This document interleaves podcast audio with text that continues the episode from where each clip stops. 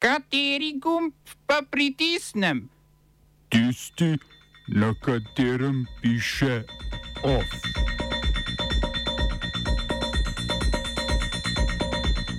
Rusija prekinja sodelovanje pri novem startu, sporazumu o omejevanju strateške jedrske oborožitve. Varnostni svet Združenih narodov proti izraelski legalizaciji okupiranih ozemelj Zahodnega brega.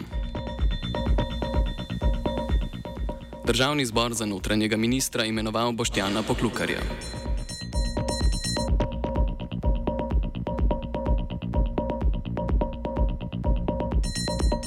Ruski predsednik Vladimir Putin je v nagovoru obema domovama parlamenta sporočil, da prekinja sodelovanje v pogodbi Novi Start. Dejal je, da bo ruska vojska nadaljevala s tako imenovano specialno vojaško operacijo v Ukrajini, za zaostrovanje konflikta pa je okrivil Zahod.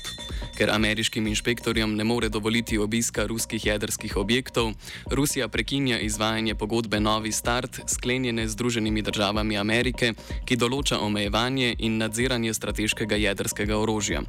Po Putinovih besedah sicer ne gre za odstop od pogodbe, ki jo je Rusija za pet let podaljšala januarja 2021.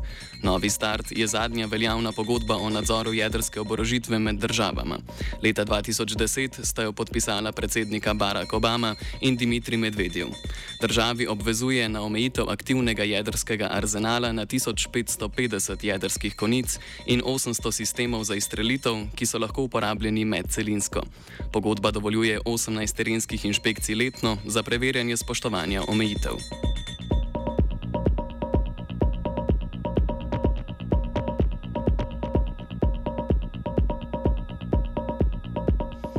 Ameriški predsednik Joe Biden se mudi na Polskem, kjer se sestaja s predsednikom Andrzejem Dudom in predstavniki osmih drugih vzhodnoevropskih članic NATO: Bolgarije, Češke, Estonije, Mačarske, Latvije, Litve, Romunije in Slovaške. Včeraj je v Kijevu Biden obiskal tudi ukrajinskega predsednika Volodomirja Zelenskega.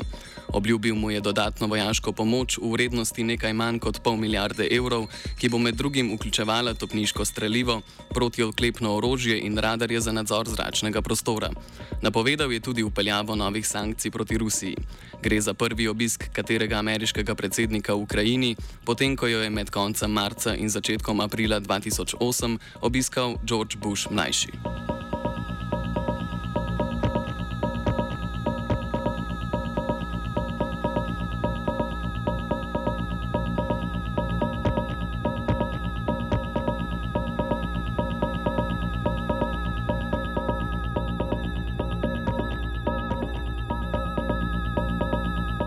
Zunani ministri Evropske unije so zaradi zatiranja protestov, ki so izbruhnili po smrti Mese Amini v policijskem priporu lanskega septembra, sprejeli peti svežen sankcij proti Iranu. Na njem je 32 posameznikov, med njimi tudi dva ministra, in sicer za kulturo in islamsko vodstvo Mohamed Mehdi Esmaili ter za izobraževanje Jusef Nuri. Za nje, tako kot že za več kot 100 sankcioniranih iranskih državljanov, velja prepoved potovanja v Evropsko unijo in zamrznitev premoženja Uniji.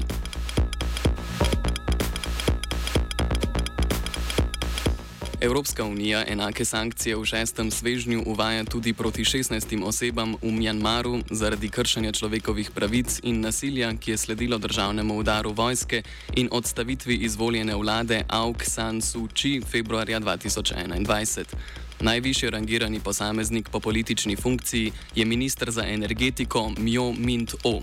Na seznamu pa so se znašli tudi visoki vojaški uradniki.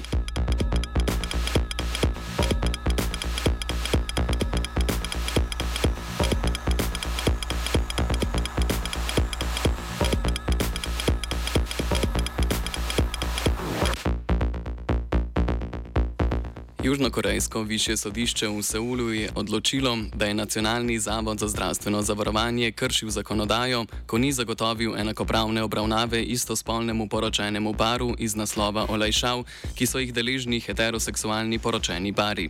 Aktivisti za pravice spolnih manjšin so sodbo razglasili za prelomno, saj gre po njihovem za prvo prepoznavo pravnega statusa istospolne zveze. Južna Koreja sicer ne priznava porok med istospolnima partnerjema. Primer, ki ga sodni mlini meljajo od leta 2021, bo sedaj romal na vrhovno sodišče, saj je Zavod za zdravstveno zavarovanje že napovedal pritožbo.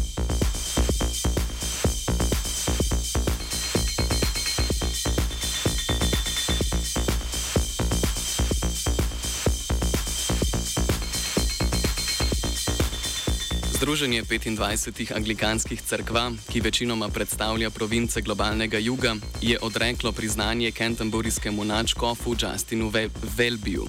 Ne strinjajo se z odločitvijo, da smejo duhovniki poročati istospolne pare, ki jo je v začetku meseca sprejela splošna sinoda, sestavljena iz več sto izvoljenih članov.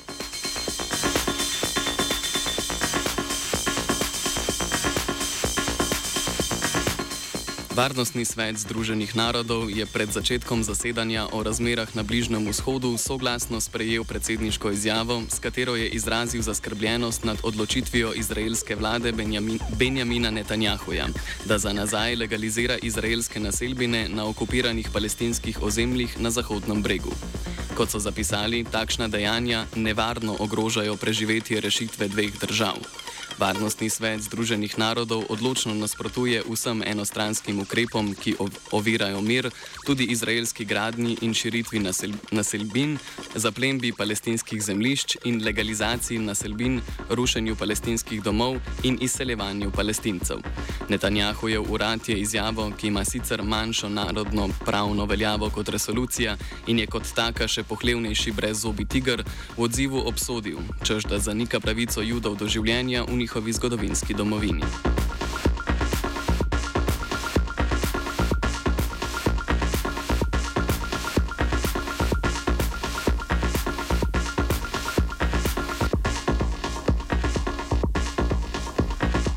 Predsednik Aleksandar Vučić je na sejmu vojaške industrije v Abu Dhabiju napovedal, da bo Srbija v prihodnjih dveh letih namenila dodatnih 700 milijonov evrov za krepitev vojske in razvoj domače vojaške industrije. Od te bo država kupila 200 oklepnih vozil v vrednosti 300 milijonov evrov in drugo oborožitev. Vojaške investicije, ki jih načrtuje srpska vlada, naj se s tem ne bi končale, saj se s francosko letalsko družbo Dassault Aviation pogaja o nakupu lovcev lovskih letal Rafal. Po Vučičevi oceni bo to največja srpska vojaška naložba, cena katere bo znašala do 3 milijarde evrov. Smo se osamosvojili, nismo se pa osvobodili. Naslednje število je še 500 projektov. Izpiljene modele, kako so se strani nekdanje LDS rotirali. Ko to dvoje zmešamo v pravilno zmes, dobimo zgodbo o uspehu takemu političnemu razvoju se reče udar. Jaz to vem, da je nezakonito, ampak kaj nam pa ostane? Brutalni obračun s politično korupcijo. To je Slovenija, tukaj je naša zemlja, to je Slovenija, Slovenija, Slovenija. Državni zbor je s 45 glasovi za in 31 proti za novega notranjega ministra imenoval Boštjana Poklukarja, ki je to funkcijo opravljal že v vladi Marjana Šarca med letoma 2018 in 2020. Nasledil bo Tatjano Bobnar, ki je odstopila decembra lani. Resor za notranje zadeve je v mestnem času vodila ministrica za javno upravo Sanja Ajanovič-Hovnik. V obrazložitvi svojega predloga za notranjega ministra je premijer Robert Golob med drugim dejal, da bo Slovenija aktivno sodelovala pri pomoči sosednji Hrvaški, da bo nadzor nad njeno šengensko mejo bolj učinkovit.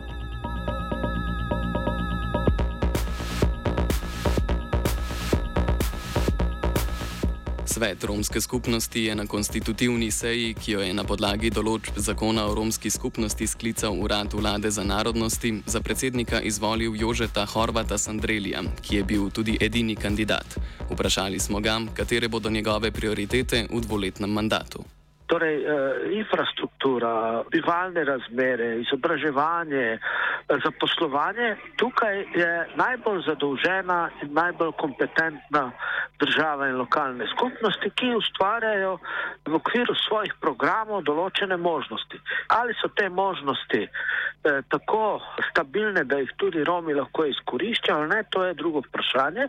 Pa glede na to, da je tukaj na teh področjih, ki sem jih omenil, situacija bolj šipka, to pomeni, da se svet romske skupnosti lahko samo potrudi in se angažira, da nekako išče rešitve, daje predloge, mnenja in stališča.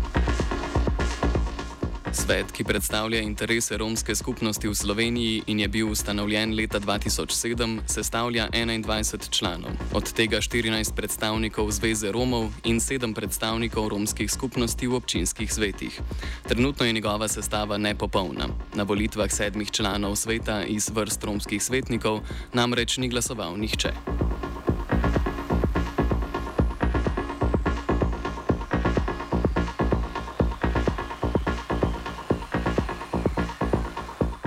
OF je pripravil Fabian.